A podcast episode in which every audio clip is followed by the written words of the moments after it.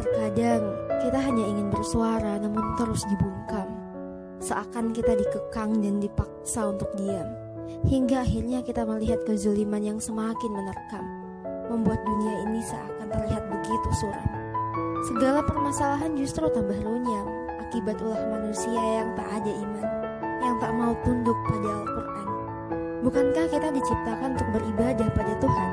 Tapi mengapa justru manusia membuat jika diberi ujian, tak terima jika menghadapi cobaan, bahagia jika diberi jabatan, tapi justru menyalahgunakan kekuasaan.